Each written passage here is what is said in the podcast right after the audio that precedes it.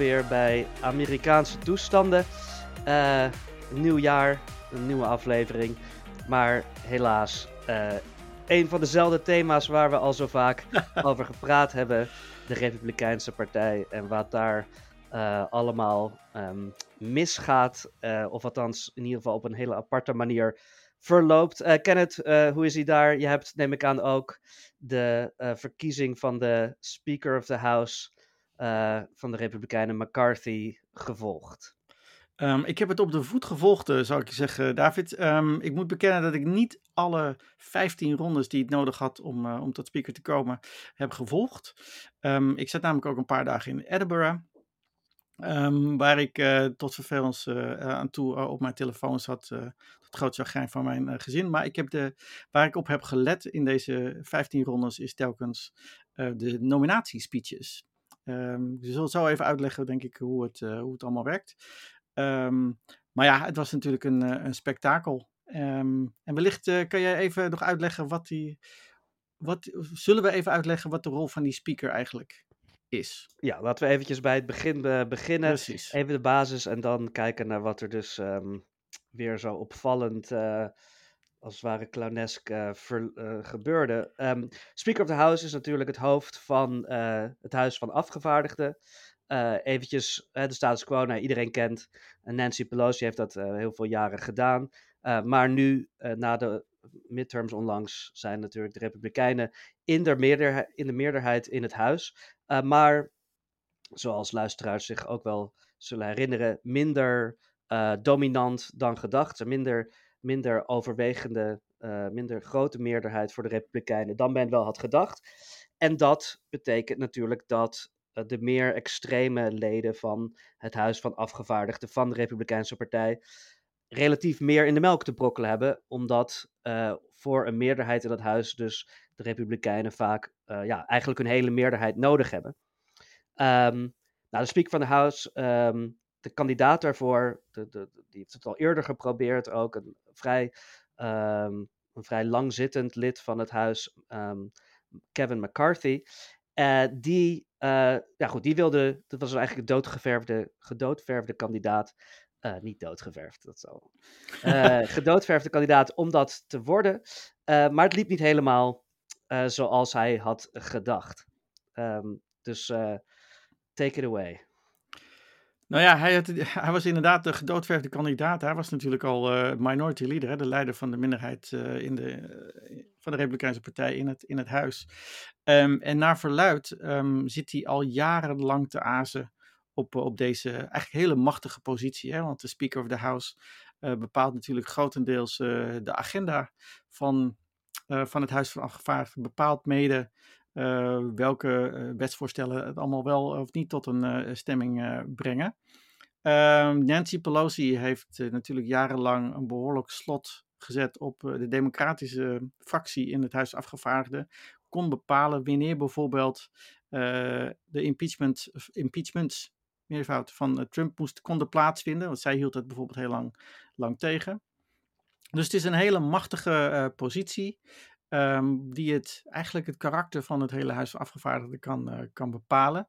Um, probleem dus alleen voor Kevin McCarthy is, was gedoodverfde kandidaat, wilde het al heel lang, maar had maar liefst 15 ronde, stemrondes nodig om daadwerkelijk uh, verkozen te worden tot speaker. En okay. de vraag is een beetje van, uh, waarom was dat nou zo? waarom waren er um, zo'n 20 republikeinen, de 20 afvalligen zal ik, uh, zal ik ze maar noemen, die telkens uh, in ieder geval voor een ronde of elf uh, zijn verkiezing tegenhielden. Ja, um, laten we misschien even beginnen bij die figuur zelf. Dan hebben we Kevin McCarthy. Um, Kevin McCarthy, gedoodverfd kandidaat. wel interessant als achtergrond. hij had het al eerder geprobeerd. ten tijde nog uh, dat, dat Obama en zo nog, uh, nog op het toneel was. Uh, maar ook toen al waren er een aantal Republikeinen die het niet in hem zagen zitten. Um, met het gevolg dat ze uiteindelijk Tim Ryan um, hebben, hadden. Zeg ik dat goed?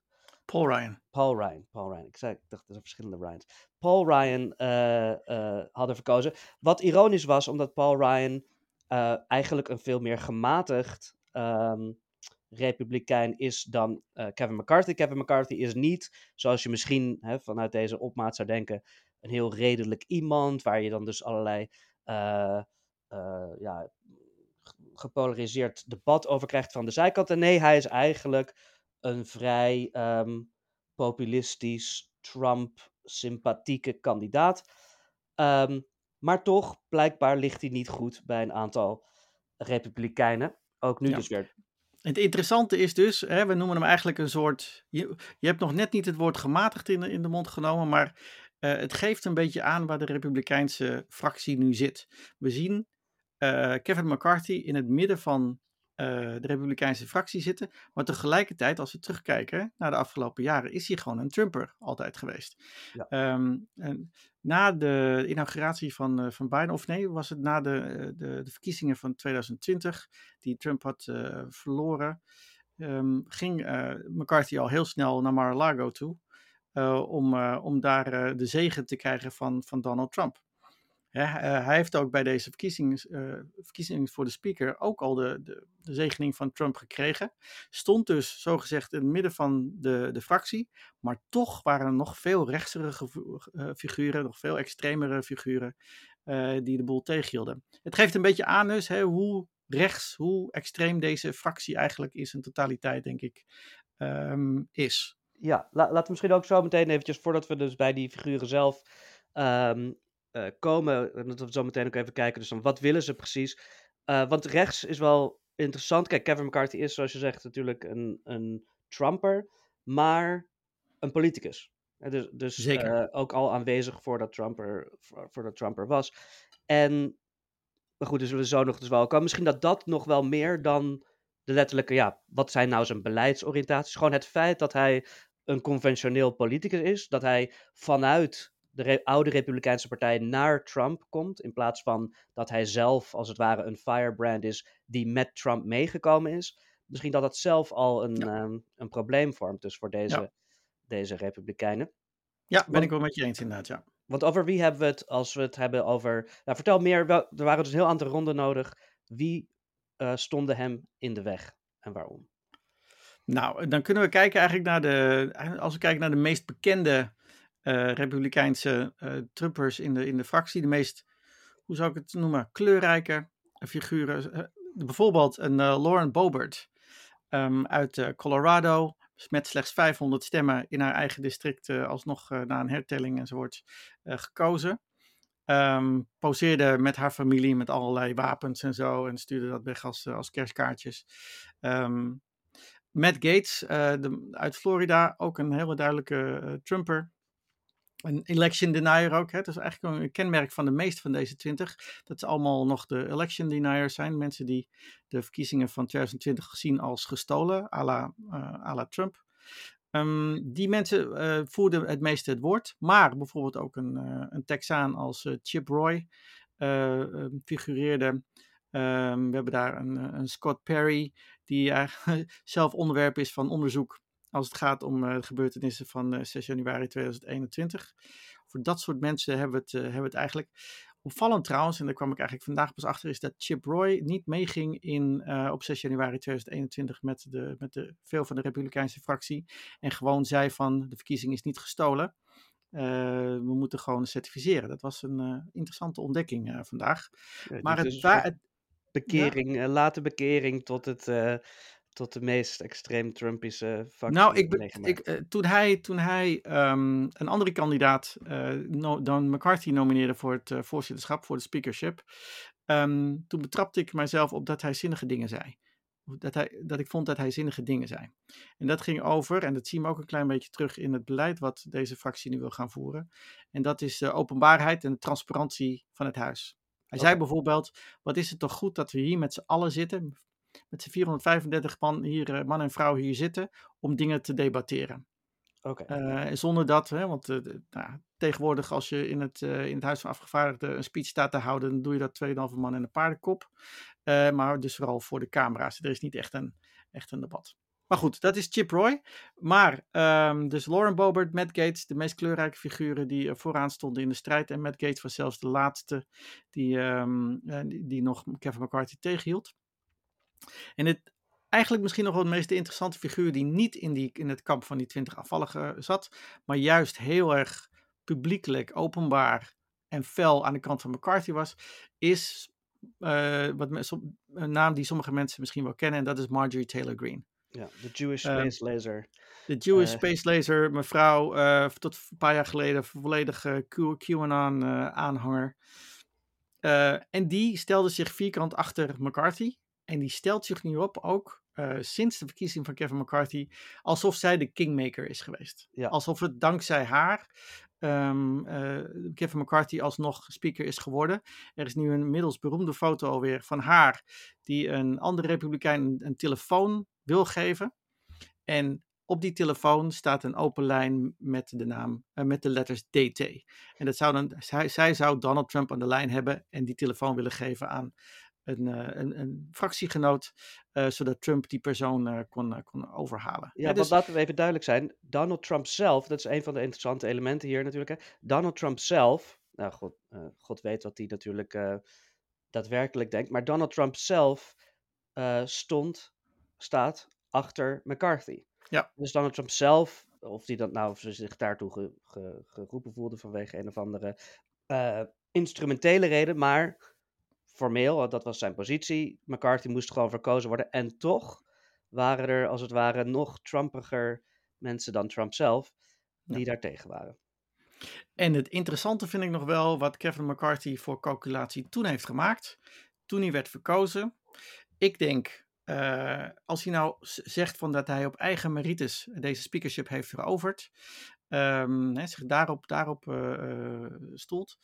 Nee, dat deed hij niet hij bij zijn eerste praatje voor de pers uh, zei hij van dit is ook mede dankzij Donald Trump.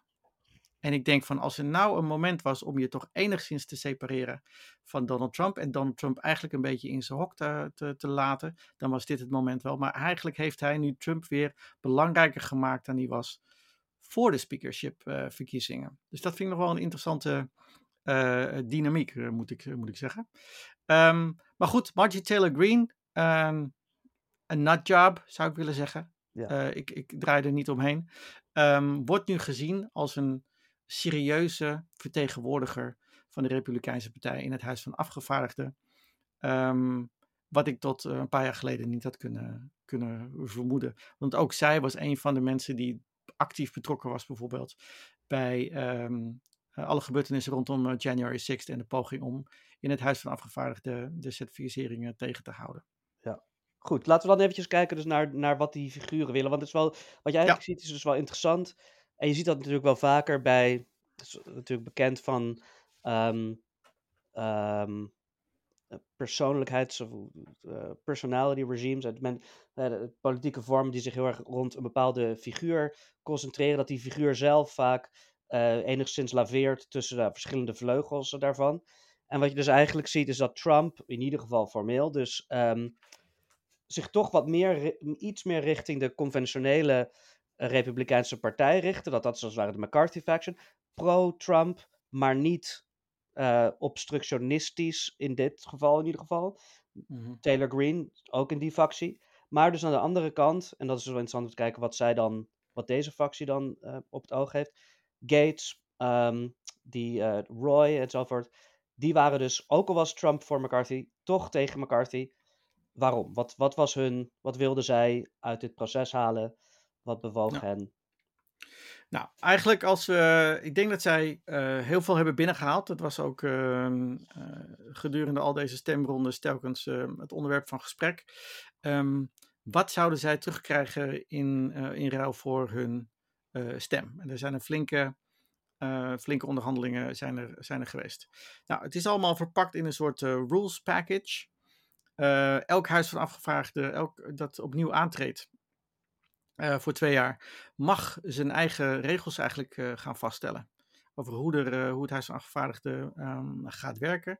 Maar er zitten ook vaak beleidsplannen in. Um, en er zijn een aantal dingen die voor mij in het oog springen. Ik heb, het is 55 pagina's met heel erg wetgevingstaal.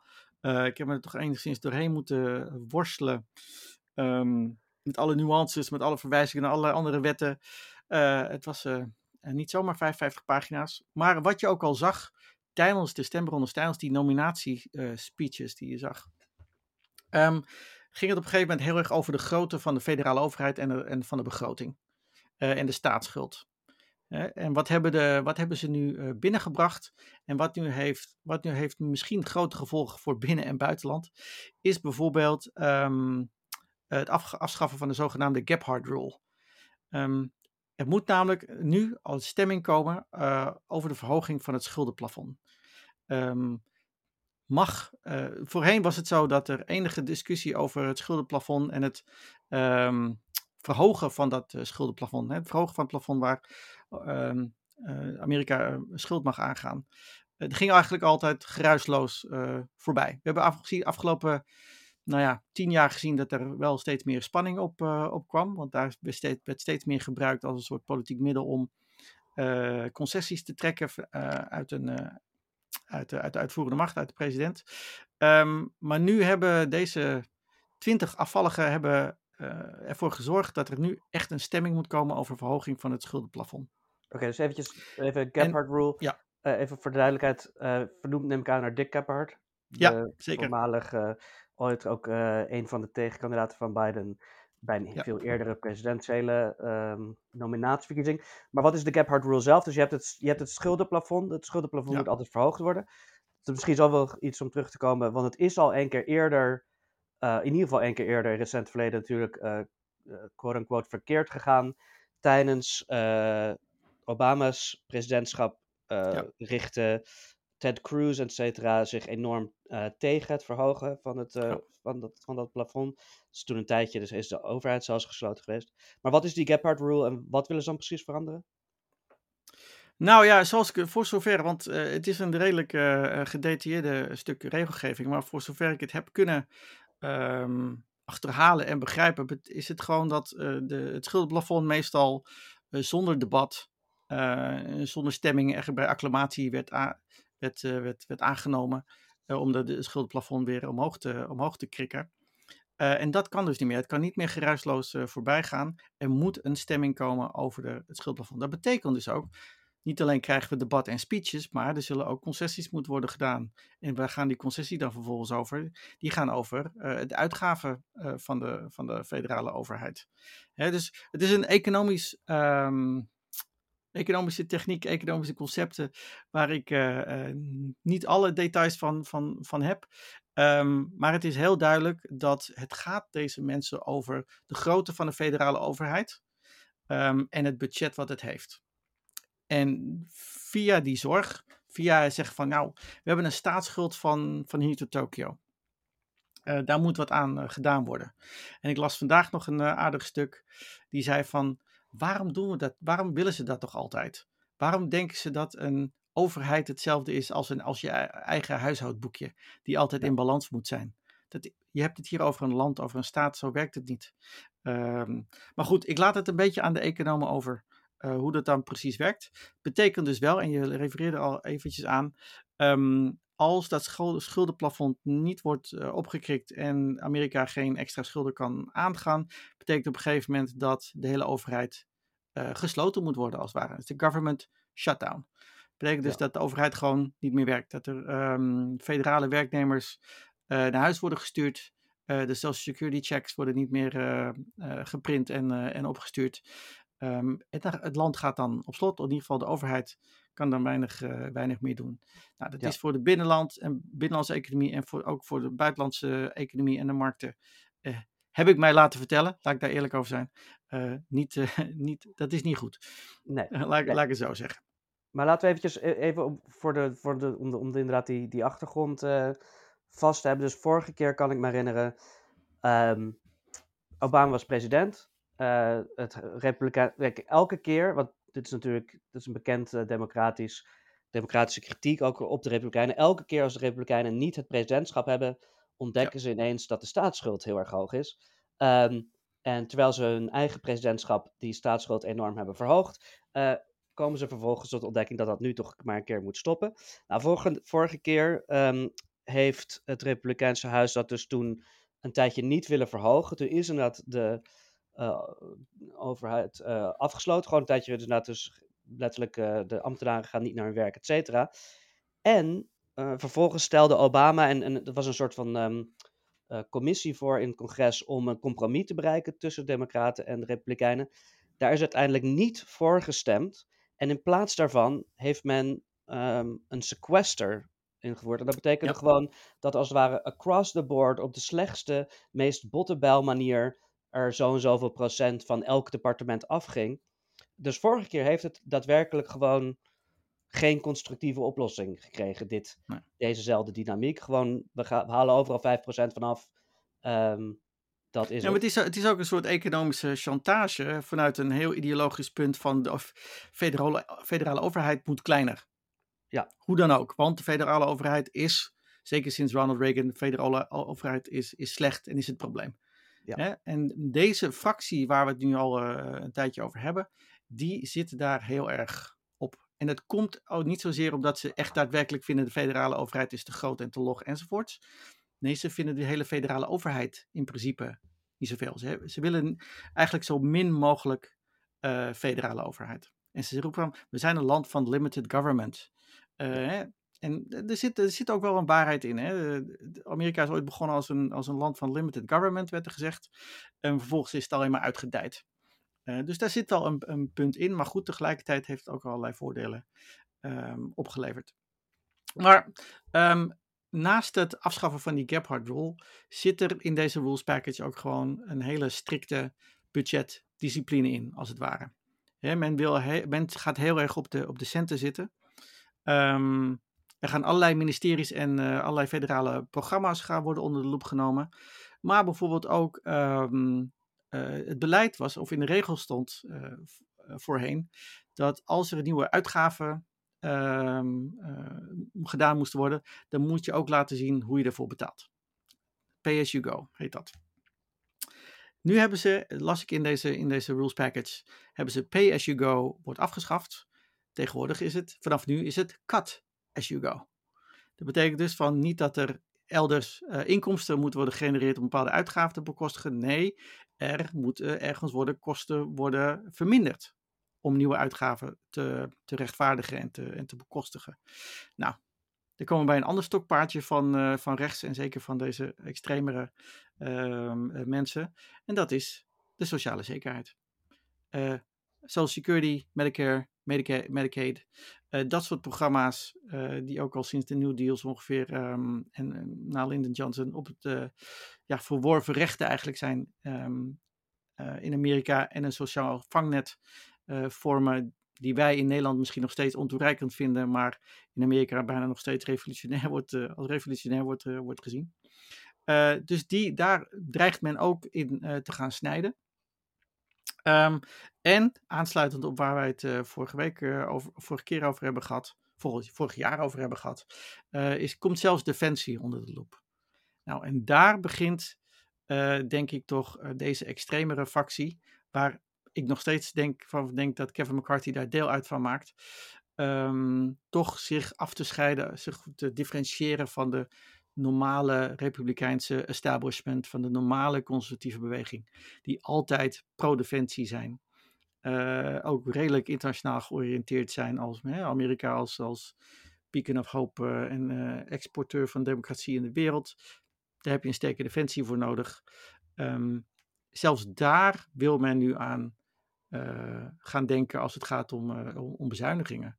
En dan hebben we het niet alleen maar over zaken als Oekraïne en hulp aan Oekraïne, maar het gaat mogelijk verder dan dat. En dat is toch echt wel um, een aardverschuiving, zou ja. ik willen zeggen.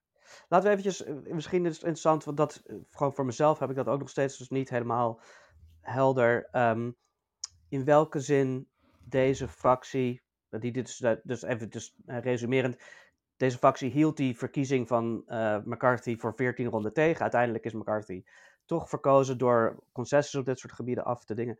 Um, of te bedingen. Um, in welke zin is het nou is het Trump en welke zin is het niet Trump? Want uh, bijvoorbeeld dat uh, snijden in Medicare en Medicaid. Trump heeft natuurlijk tijdens zijn eigen presidentschap niet bezuinigd. En ook toen hij verkozen ging worden, was Trump nooit degene die zei: oh ja, we moeten keihard gaan snijden. Nee, Trump, dat kent iedereen, die kan, wil alles tegelijk. Weet je wel, als hij zo'n vraag krijgt van, ja, we moeten een kleinere overheid hebben, maar gaat het dan niet ten koste van de mensen, hè, de, bijvoorbeeld de ouderen en hun, uh, hun voorzieningen? Dan zegt Trump natuurlijk altijd dingen als, nee, nee, het wordt gewoon beter, it'll be big and beautiful, en dit en dus en zo.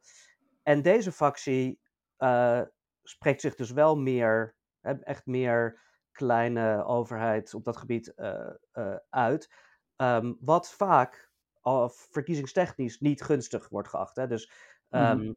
het snijden in Medicare, Medicaid uh, is normaliter geen sterke tactiek op het gebied van verkiezingen. En je kan je dus voorstellen dat Trump zegt dat Trump daar niet een voorstander van zou zijn.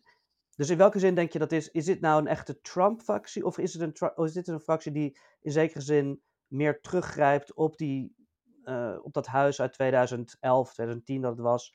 Hè, de, de Tea Party en de Freedom Caucus, wat toen meer in zwang was. Hè? Die, dus inderdaad, mm -hmm. uh, Trump is natuurlijk niet heel erg ideologisch. Trump is heel erg rechts op een hele rare manier.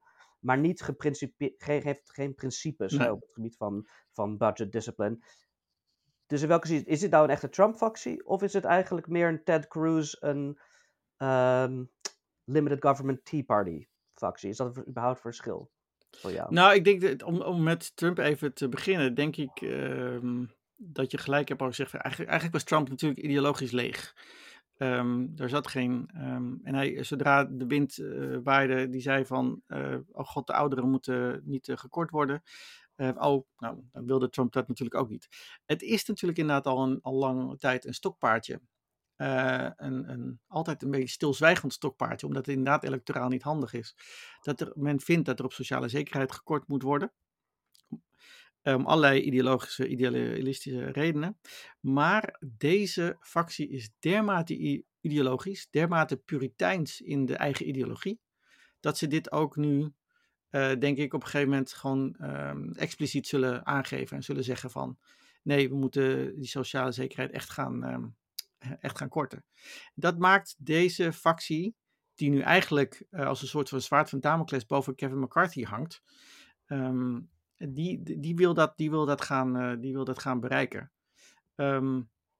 Hè, dus het is een, eigenlijk een heel ideologische en daarmee, wat mij betreft, kortzichtige uh, factie die uh, geënt is op één, op die, op die pure, pure beleidswinst, zoals de kort op sociale zekerheid, maar ook, um, ja, hoe zal ik het zeggen? Uh, het, is een, het zijn de radicalen die nu aan de macht, macht zijn en die ook radicale stappen willen, willen ondernemen.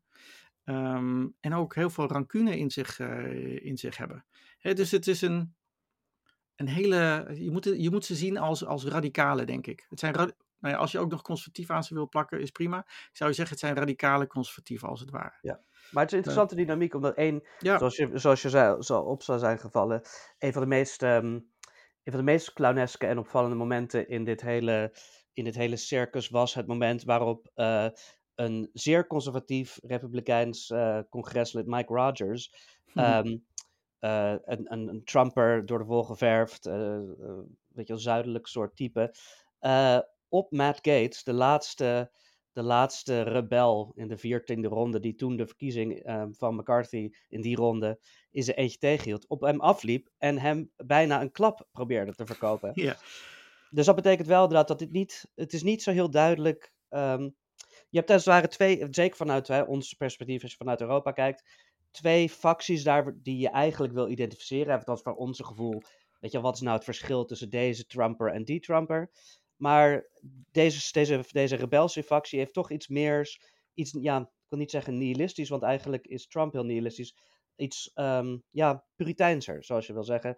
I, mm -hmm. Meer tegen overheid als zodanig, vanuit principe. Uh, terwijl Trump meer zoiets heeft van: ik zeg gewoon alles, ik doe gewoon alles wat. Uh, wat, wat, wat uh, handig is voor mij.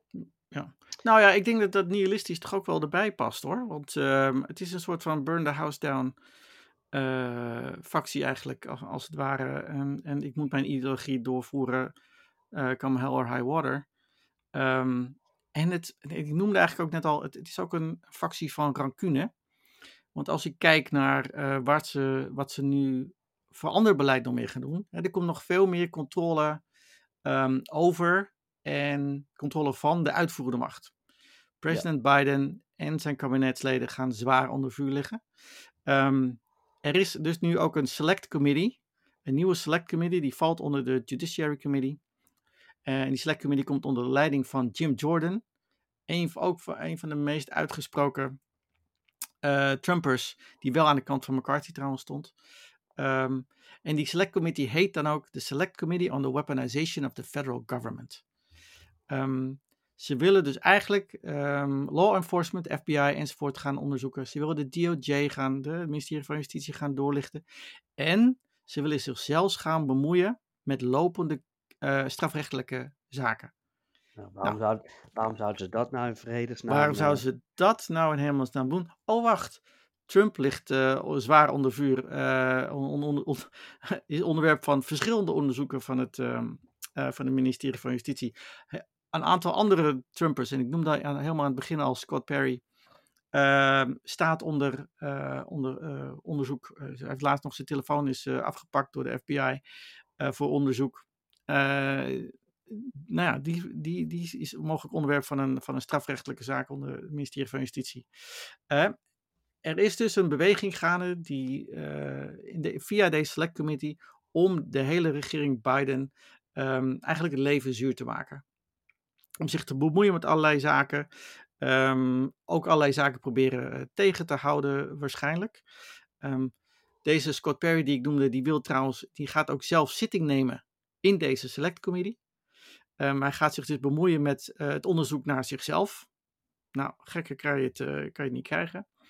En dat is, het is, het is, nou ja, er zijn al, volgens mij, Marjorie Taylor heeft het al een paar jaar over dat, hij, uh, dat ze Joe Biden wil um, onderzoeken en een impeachmentprocedure wil beginnen tegen hem. Dus dat is een kwestie van afwachten wanneer dat precies gaat gebeuren. Het is een enorme rancuneuze factie ten behoeve van Trump, maar ook ten behoeve van zichzelf. Um, die, die gewoon nu dit, dit, deze meerderheid in het Huis afgevaardigd gaan, hiervoor gaan gebruiken. Er is ook bijvoorbeeld een select committee on the coronavirus, waar toch een lichte conspirat conspiratoriale ondertoon in zit. Zo van, we gaan onderzoeken waar komt waar het coronavirus precies vandaan en hoe was de uh, respons van de, van de federale overheid. Ja. Um, Enige, enige select committee waar, waar ze trouwens uh, democraten aan hun zijde krijgen, is de select committee met, als het gaat om de strategische competitie met, uh, met China. Dat is een ja. bipartisan commissie. Ja, ja dus dat is natuurlijk een, een, een, groot thema waar gelukkig dan nog enige, ja. enige gedeelde focus is. Um, ja. Even voordat we, naar, voordat we de gevolgen misschien bekijken voor electoraal, et cetera, hoe, of dit nou uh, in, in, welke zin het wel of niet, uh, laten we zeggen, mm-hmm. verstandig was van de Republikeinen om dit zo te doen.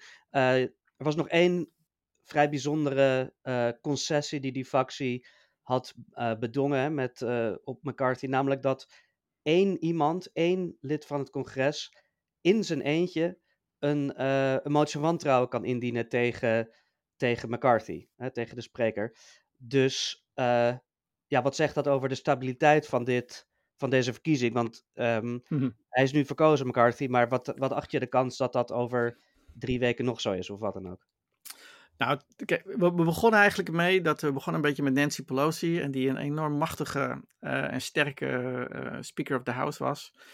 Uh, alom, alom gevierd, zelfs door haar tegenstanders bewonderd. Um, was het al vrij duidelijk na een paar rondes, eigenlijk na twee rondes al, riep men van: Oh, Kevin McCarthy komt hier enorm zwak uit. Um, want hij moet een aantal heel veel concessies doen. Um, hij heeft het niet op zijn eigen merites allemaal kunnen, kunnen halen. Um, en een van de concessies die hij heeft moeten doen, die hem eigenlijk een soort, ja, eigenlijk een soort van duck maakt, of een soort uh, ja, gijzelaar van, de, van, de, van deze extreme factie waar we het nou de hele tijd over hebben, is inderdaad die motion to vacate. inderdaad, je zou het kunnen roepen als een, een motion, motie van wantrouwen. Eén congreslid kan inderdaad uh, deze motie indienen en zeggen van deze speaker moet, moet weg. Ja, als, als uh, het maar één um, congreslid is, voor één lid van het Huis van Afgevaardigden, ja, de democraten kunnen het ook gebruiken. Zodra er iets, uh, iets gebeurt, kunnen ze zeggen van nou, motion to vacate.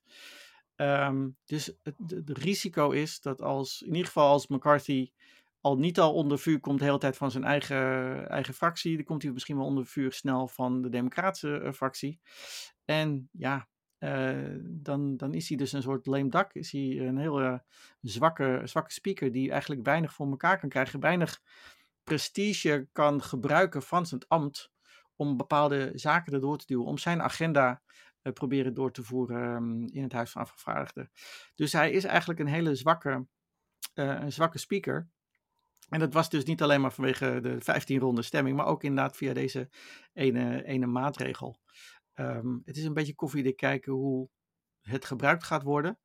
Maar het zal altijd in het achterhoofd van uh, uh, McCarthy en zijn medewerkers uh, zijn, neem ik aan.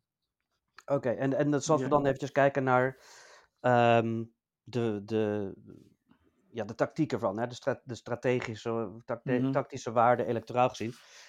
hoe schat je dat in? Want je hebt natuurlijk de debatten die daarover gevoerd worden hier, het is wel interessant zoals gezegd, het is niet helemaal uniek. Hè, dus dat, de, dat de Republikeins congres zich zo um, obstructionistisch uh, opstelt. Uh, en als je dus kijkt naar de effecten die dat tijdens Obama's presidentschap heeft gehad, uh, dan zie je natuurlijk verschillende, verschillende mogelijke scenario's die je mee kan nemen. Dus dat vind ik wel interessant om jou, um, jouw gevoelens daarover te horen. Dus aan de ene kant dus, dus de Republikeinen deden dit, uh, 2010, 2011 dat ongeveer was. Um, sommige mensen zeggen, kijk, dat het feit dat Obama toen in 2012 verkozen, herkozen is, um, uh, heeft deels hiermee te maken, of in ieder geval heeft niet tegen Obama gewerkt, want Obama kon zeggen, hé hey, luister, wat je verder ook vindt, deze mensen zijn uh, uh, die, daar sport het niet helemaal bij. Die zijn compleet obstructionistisch. ik ben gewoon voor de normale, uh, de normale kiezer die mm -hmm. het een beetje wil. -hmm. die, die, die, die, gewoon de gang van zaken um, een beetje lopend wil houden. Uh, dus dat, dat, dan zou je kunnen zeggen: dit is dus dom voor de Republikeinen. Maar de volgende midterms vielen ook weer slecht uit voor Obama.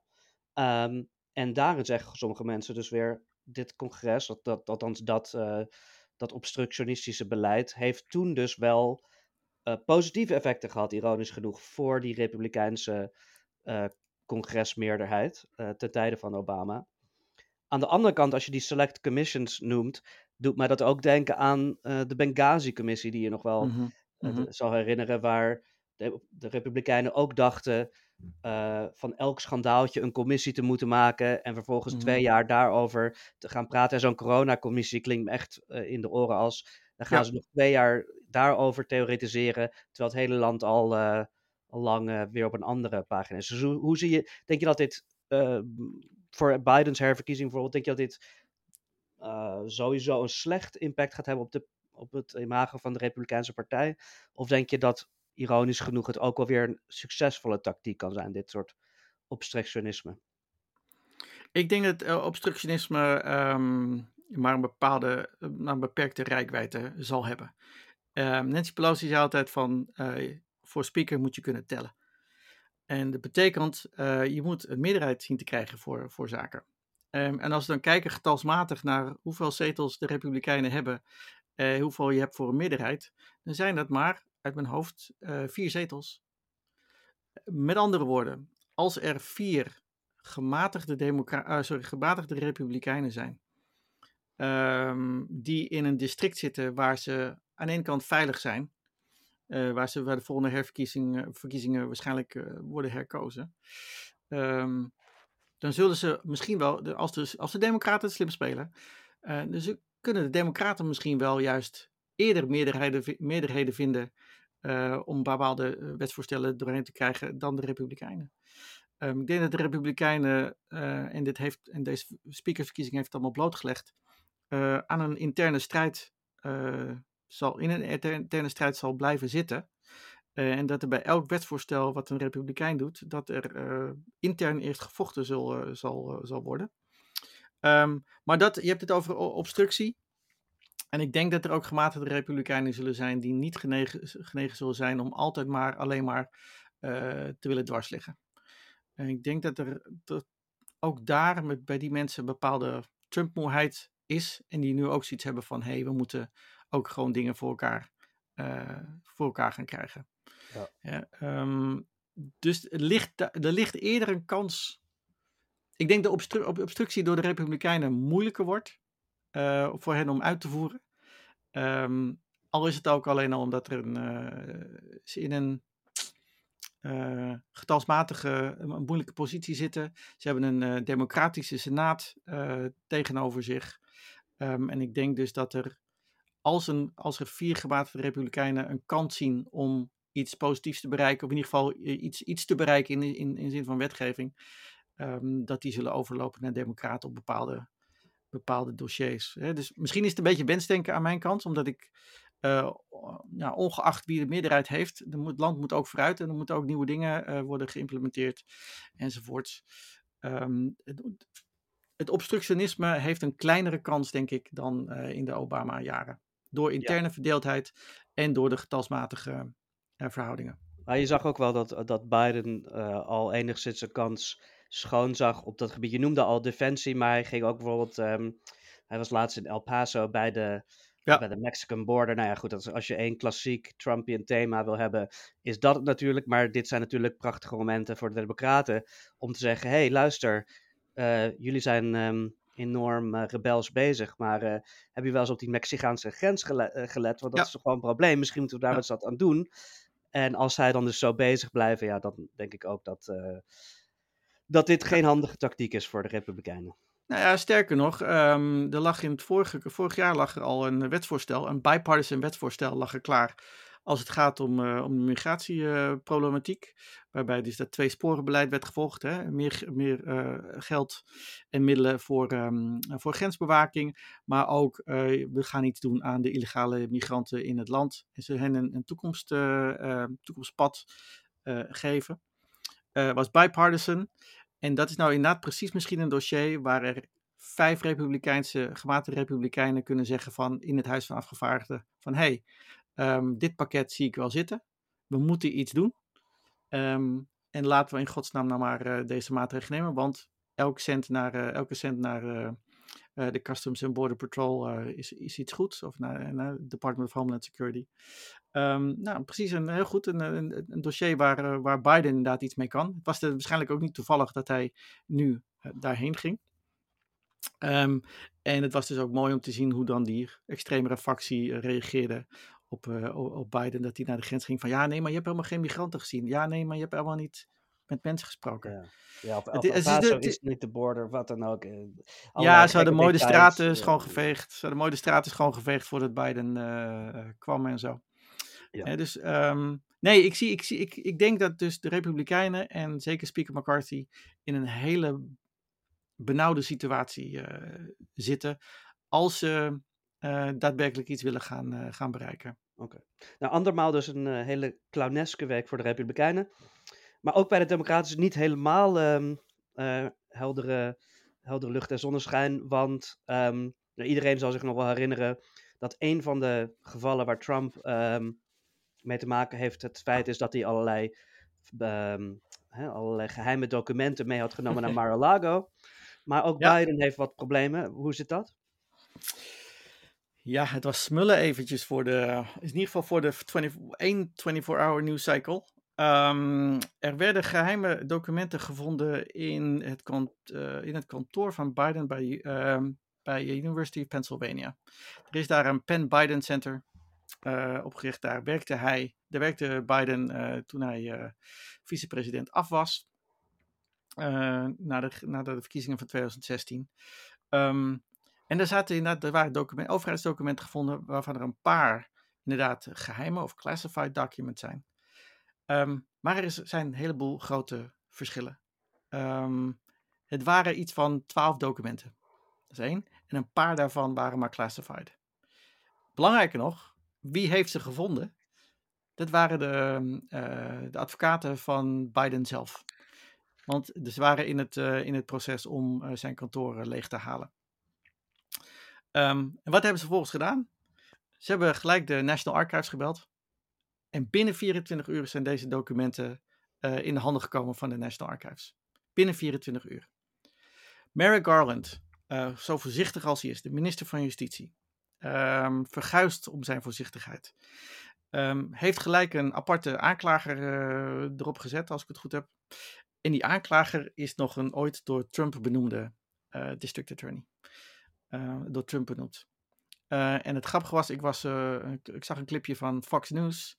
En Carl Rove, de, de, de oude campagnemeester van de Republikeinse kant, moest met een whiteboard gaan uitleggen aan de Fox um, anchor en, en de Fox kijker wat de verschillen zijn. En dat dit een, eigenlijk een storm in een glas water is. En eigenlijk gewoon aangeeft hoe erg het was wat er met Trump was in de geheime documenten in Mar-a-Lago. Want um, nou, het is denk ik wel duidelijk, uh, ik wil geen Biden apologist zijn, maar het is denk ik wel duidelijk dat deze documenten per ongeluk uh, op dat kantoor, uh, werkkantoor zijn beland. Ze lagen achter slot en grendel ook nog. Um, en ze zijn zelf ontdekt, zelf aangegeven en wat ik, zoals ik zei, binnen 24 uur overhandigd aan de, aan de National Archives. Bij Trump, die had zelf verordeneerd om documenten mee te nemen. En ja. die heeft met opzet documenten meegenomen. En het waren er een heleboel. Het waren dozen vol. Uh, en als ik het goed heb begrepen, meer dan 160 classified documents. Vervolgens heeft Trump anderhalf jaar lang tegen zitten stribbelen om die zaken, om die documenten terug te geven. Uh, en het was, werd zelfs zo erg dat er dus een, een huiszoekingsbevel kwam en dat de FBI Mar-a-Lago binnen moest. Omdat het enigszins de dermate gevoelig lag qua nationale veiligheid. Dat die documenten moesten toch echt wel nu terug naar de National Archives. Hè, nou ja, het is uh, met opzet versus per ongeluk. het was tijdig versus obstructie. En het is um, strafbaar versus niet strafbaar. Ja. Daar liggen, daar liggen de grote verschillen. Ik heb één Nederlandse deskundige vandaag gehoord. Die zei van. Nou, het is wel degelijk een groot probleem voor, uh, voor Biden. En Trump heeft nu een punt als hij zegt van, oh, dat zijn zaak uh, ook nu maar uh, moet worden geseponeerd. Ik ben het daar niet mee eens, laat ik het daar, daarop nee, houden. Nee, ik, ja, ik denk inderdaad, kijk, en, en zeker als het zo is dat stel, hè, je hebt een, stel de verkiezingsstrijd komt op een gegeven moment op gang en de Republikeinen noemen dit punt en dat biedt eigenlijk een mogelijkheid voor Democraten om nog eens een keer uit te leggen hoeveel erger ja. Trumps uh, geval Helemaal. was. Dat het... En wat wel interessant is, dat vind ik, kijk, het is, moet ik eerlijk zeggen, um, kijk, het volgen van deze politiek, we doen het nu natuurlijk al uh, een paar weken op dit, op dit specifieke thema. Het heeft iets, het heeft iets um, ja, ik wil niet zeggen deprimerends in zich, maar het, het, het, het is natuurlijk, die, er zit een soort negatieve spiraal in die Republikeinse partij. Maar hoewel het dus niet echt, ja, het is niet echt, um, dat maakt het op zich niet zo interessant. Maar wat wel er interessant aan is, en dat vind ik wel een thema waar ik veel over nadenk, is dat je eigenlijk ziet dat een bepaald soort politiek um, een dynamiek in zich heeft die zo'n partij overneemt en waar ze ook, uh, als het, ook als het zich tegen henzelf keert, eigenlijk niet uitkomen. Dus ja, goed, de Republikeinse Partij die houdt van die schandaaltjes. Die houdt ervan, zeker toen Clinton nog was, om te zeggen: ja, dit, die overheid is corrupt, zus, zo, dit, dat. Nou goed, dan krijg je die, dat e-mailschandaal met Hillary Clinton. Dat is heel succesvol. Dat wil zeggen voor hen. Hè? Dus dat, dat heeft uh, wellicht zelfs de verkiezingen in 2016 bepaald. Maar vervolgens lukt het ze niet om zich los te maken uit, uit die focus. Hoe klein, hoe uh, uh, nietszeggend, uh, hoe contraproductief dat ook wordt. Dus ja, dan krijg je Hunter Bidens e-mails. Sloeg niet echt aan. Nou, dan krijg je dus inderdaad een commissie op dit, commissie op dat. Benghazi heb je gehad. En nu dan dit. Uh, kijk, de, de, de, verkiezer, de, kiezer lijkt, dat, zie je ook aan die midterms, lijkt al lang dit soort trucjes helemaal niet zo uh, interessant meer te vinden. Maar zo'n zo'n zo'n populistische politiek die zich zo weinig op de inhoud concentreert, zich zo weinig constructief opstelt, mm-hmm. zich zo rond ook die, ja, die persoonlijke obsessies van Trump um, mm-hmm. concentreert. Hè? Want Trump zelf is natuurlijk psychologisch zo, uh, uh, ja goed, dat is bekend. Zijn, zijn, zijn manoeuvre is altijd terugslaan. Dus als er iets tegen jou gezegd wordt, dan zeg je gewoon nee. Uh, dan doe je gewoon een jijbak, van nee, jullie ook. Uh, en het lukt ze dus blijkbaar niet, naar, als ik, het, ik mijn, mijn eigen prognose mag geven op dat gebied. Het lukt ze dus blijkbaar niet om, om een ander pad in te slaan. Ze, ze, ze zitten als het ware in een soort vicieuze cirkel van proberen een schandaaltje te vinden uh, om maar de Democraten met Trump gelijk te stellen om maar uh, hè, om op, op een soort van kleinzerige manier proberen zo'n overwinning te behalen. En dat vind ik Mhm. wel interessant, omdat je dus eigenlijk ziet, het gaat, gaat in zekere zin uit boven elke tactische uh, overweging. Want het, het, het, waar ze nu mee bezig zijn, ook die speakersverkiezing, niemand kan meer zeggen, oh nou, dit spelen ze toch wel heel erg slim, die Ja. Republikeinen. Het is gewoon dysfunctie om de dysfunctie uh, bijna. Ja, ik denk, ik denk dat dus de, eigenlijk de, de, de grotere vraag is, en ik, misschien de vraag waar we het uh, dan de komende weken, maanden weer meer over kunnen, kunnen hebben, van waar gaat het hen nou precies om? Wat, wat willen ze nou? Want um, compromis sluiten en vervolgens en te regeren, dat willen ze blijkbaar niet. Het is, het is, het is waarschijnlijk een, de, de absolute overwinning op de tegenstander, waardoor je vervolgens zelf alles kan bepalen. Of je dat nou op democratische wijze doet of autoritaire wijze, dat maakt dus blijkbaar niks uit. Um, en dan de vervolgvraag is: oké, absolute overwinning, en, maar wat wil je dan gaan, gaan bereiken? Um, want we hebben denk ik al geconstateerd, in ieder geval in mijn optiek, dat uh, deze toch wel puriteinse slash nihilistische beweging die Kevin McCarthy nu het leven zuur hebben gemaakt en eigenlijk zijn, zijn vleugels hebben afgeknipt. Um, wat willen zij nou eigenlijk? Waar staan zij nou precies uh, voor? Ja, limited government uh, enzovoort. Maar hè? hè Ja. Dat is eigenlijk een beetje de, de, de hamvraag. Um, en er zit ook een dynamiek in van om maar um, tractie te, te, te houden onder het electoraat, moeten ze steeds, steeds radicaler worden, steeds gekker worden. Um, maar aan de andere kant zie je ook weer met deze midterms dat de kiezer inderdaad, precies zoals je zei, zoiets heeft van ja, uh, daar zijn we een beetje moe van. Want het ironische, natuurlijk, ironische is natuurlijk dat zij gekozen ooit waren omdat ze vonden dat de zittende machthebbers te weinig deden, te weinig voor elkaar kregen, te weinig voor het gewone volk deden. Nu zijn ze voor het deels aan de macht. En nu is het alleen maar uh, circus en dysfunctie, ja. precies zoals je zegt. En bereiken dus ook niks. Nee, je, je, ziet, er is een soort er is een bekende, bekende zin en met dat op verschillende gebieden in de politiek wordt hier wel toegepast, maar um, met het je inlaten bij bepaalde extremistische um, denklijnen of, of facties, riding the tiger, waar het idee is van um, je kan uh, hè, de tijger die, uh, die, uh, die kan zich op dit moment, als op enig moment agressief uiten naar je tegenstanders, maar op een gegeven moment eet hij ook jou op. En het lukt Boy, wie zei het? J JFK zei het, boy. Those who uh, uh, ride the back of the tiger often end up inside. Ja, nou, precies. precies. Ja, en je precies. ziet eigenlijk dat ze dus, dus niet, het lukt ze niet. En het is wel frappant, omdat het natuurlijk, het zegt wel iets over, nou, het is wel een bredere les. Er ontstaat een dynamiek die zich uit, die, die uitstijgt boven elke individu daarbinnen. Het lukt Ja. ze niet meer om te controleren. Steeds gekkere types worden verkozen. Die moeten steeds gekkere dingen doen, omdat ze zo verkozen zijn. En Ja. uiteindelijk uh, leidt het helemaal niet meer op een of andere eindoverwinning. Het is gewoon een dynamiek die zichzelf um, Ja. steeds voorstuurt. Maar waarschijnlijk toch wel um, in invloed afneemt. Um, en dus ik heb wat dat betreft uh, hoop dat deze radicalere, radicale facties in de volgende twee verkiezingscycli eruit zullen zijn. Dat is denk ik mijn, dat is mijn, mijn hoop. En niet zozeer omdat het de, de rechtervleugel is, uh, maar omdat het een radicaal extremistische eh, beweging is die één uh, niks wil en twee toch wel voor bepaalde vervelende dingen staan. Um, net zoals daarbij bij, bij links ook wel, uh, is wel dingen kan aanwijzen. Maar het gaat erom het compromisloze, de compromisloze koers die men vaart, het nihilistische koers, die niks, niks goeds brengt voor het land. Geen vooruitgang brengt. Vooruitgang in de zin van problemen aanpakken die er zijn. Of je nou links of rechts bent.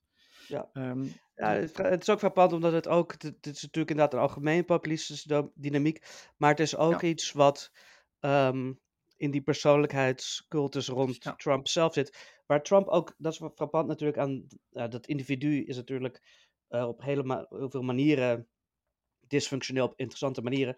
Maar je ziet ook dat Trump heeft zelf niet controle over een dynamiek die in, zich, die in hemzelf zit. Hè? Dus hij, hij slaat terug ook als het niet zinnig is. Hij tweet ook als het helemaal niet... En je ziet dat die hele partij op eenzelfde manier overgenomen wordt door een soort eh, ja, een, trucje wat op een gegeven moment helemaal Ja. niet meer in de hand is. Ja, Ehm, Maar daarom, daarom ook dat, dat eh, de invloed van Trump eigenlijk z- vrij, vrij zwak was.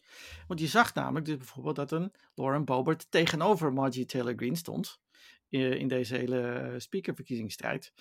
Ehm, en ik zei het al eerder, en het is eigenlijk gewoon jammer eh, dat ehm, Kevin McCarthy in zijn eerste persconferentie eigenlijk gewoon weer eh, de keys of the car gaf aan, aan Donald Trump. En zei van, ja, dankzij jou. Dus dat Trump eigenlijk door Kevin McCarthy weer werd geholpen in het zadel als de zogenaamde leider van de Republikeinse Partij. Hè, want de, de persoonlijkheidscultus en of de loyaliteit van deze extreme factie aan Donald Trump was aan het afnemen. Eh, en ik denk dat het nu uitstel van executie is, eh, is geweest, waardoor we nog, nou ja, nog eh, minstens een half jaar lang dysfunctie, dysfunctie krijgen. Ja, nou, we zullen het er ongetwijfeld nog wel vaker over hebben. Maar goed, we zijn weer eventjes bijgepraat. McCarthy is in ieder geval vandaag speaker van de House. En Hij is vandaag Speaker of the House. Ehm zullen we nog één uitsmijter doen? En dat is meneer George Santos. Ga je gang, ja.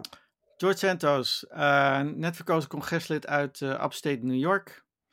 Ehm, is dermate een verzonnen figuur dat we twijfelen over of hij wel George Santos heet. Eh, eh, de, de Democraat, Republikein, is hij daar oh, nou eerlijk over? Ma- het maakt bijna niks uit. Maar het is een republikein. Eh, hij is verkozen en op een of andere manier is tijdens de verkiezings verkiezingscampagne nooit aan het licht gekomen dat hij heeft gelogen over zo ongeveer alles. Ehm, over waar hij naar de school is gegaan. Over zijn etnische achtergrond slash religi- religiositeit. Hij zei dat hij Joods was. Hij is helemaal niet Joods. Eh, nu was hij iets van Jewish. Een soort van, een soort van Joods eh, stelde hij zich op. Hij zou een miljoenenbedrijf eh, hebben gehad, is helemaal niet waar. Hij zou verschillende, hij zou 13 real estate properties hebben. Nee, hij woont bij zijn zus. Ehm, hij zou nu, vanda- het bericht vandaag was dat hij allerlei illegale donaties eh, had gedaan. Of dat, en dat hij een campagnemedewerker eh, had laten voordoen als de chief of staff van Kevin McCarthy om dona- donaties los te peuteren. Ehm, alles aan deze meneer is ongeveer ehm, verzonnen. En het mooiste is nog wel, hij is een immigrant uit Brazilië. Hij heeft ook een Braziliaans paspoort. Als op zijn negentiende eh werd hij al gezocht door de Braziliaanse autoriteiten vanwege eh, eh, fraude, valsheid in geschriften enzovoorts. En toen bleek dat George Santos opeens verkozen was door, ehm, voor, voor het congres in de staat New York. Zeiden de Braziliaanse autoriteiten van, hey, daar ben je. We willen je graag hebben, want we zoeken je nog voor allerlei strafbare feiten. Maar de, de Ehm, les hieruit is dus wel dat eigenlijk wie dan ook de democratische, hoe dan ook de democratische partij in zijn district functioneert, hun opposition research, dat eh, bestaat niet echt. Of, ja. Eh, Het is, het is political malpractice wat de Democraten daar hebben gedaan. Ehm, eh, dat zij dat niet. eh, het, was denk ik, het was ook een lokale journalist die dit allemaal heeft eh, opgerakeld. eh, en het, en het aan het draadje heeft getrokken, waardoor alles eh, rondom Santos ehm, eh, ontrafelde. Ehm, zijn eigen lokale Republikeinse partij, in Nassau County, heeft al afstand van hem genomen. Ehm, maar ja, eh, binnen het Huis van Afgevaardigden zelf eh, zei Steve Scalise, de minority whip, oh, de majority whip, die zei van, eh, die zit in het leiderschap van, eh, van de Republikeinen in het huis, die zei van, ja, we gaan dit intern onderzoeken en oplossen. Eh, nou, dat is eigenlijk code, zeker binnen de Republikeinen, als voor, we gaan niks doen. En waarom niet? Want ze hebben zijn stem hard nodig, waar we het net allemaal net over, eh, over hebben gehad. Maar het is ook weer een situatie van een waarin een, een hoe zal ik het zeggen, een, een, een kandidaat naar boven kan komen. Die eigenlijk ook een volledig lege huls is, die alles bij elkaar heeft, eh, heeft gelogen. En de Republikeinen gaan er, ehm, gaan er niks aan doen. Het is bijna te gek voor woorden. Als je het allemaal leest, eh, waar die allemaal over over heeft gelogen, dan Ja, het ongelooflijk. Het is allemaal, en doe dat, dat, we halen er de interessante punten uit naar boven, maar het is allemaal, weet je, toen Trump en dat, die populistische bewegingen, die, die, daar, daar heb je in ieder geval, in, in het begin, zit er een interessante basis in. Denk je van, oké, waar, waar komt dit vandaan? Eh, wat is Ja. precies, weet je, wat is, wat is in ieder geval onder de kiezer, ook al is het vaag, wat is hier als het ware de, de, de kracht achter, de beweging achter. Maar het, is, het vervalt gewoon in, dit is clownesk, zoals ik al eerder zei. Ja, wat kan je Nou ja, en een van, de re- een van de redenen waarom hij waarschijnlijk verkozen is, was omdat hij Trumper was. de, en verder keek de kiezer niet. In, uh, ook in upstate New York niet. Uh, maar precies wat je zegt, het is political malpractice van wat democraten daar hebben, daar hebben gedaan. Ik hoop dat ze in de toekomst beter gaan, uh, gaan opletten. Prima. Nou, Goed. wij gaan weer gewoon verder kijken naar dit spektakel. En, Hopen dat het wat serieuzer wordt, David. Dat we weer verder kunnen gaan kijken over... En anders moeten wij maar de inhoud gaan leveren. want zo kunnen we niet bezig blijven. Precies. Goed, dat weer voor deze, deze keer. En, uh, en we zien, we horen. De luisteraar hoort ons gewoon weer volgende keer. Tot ziens.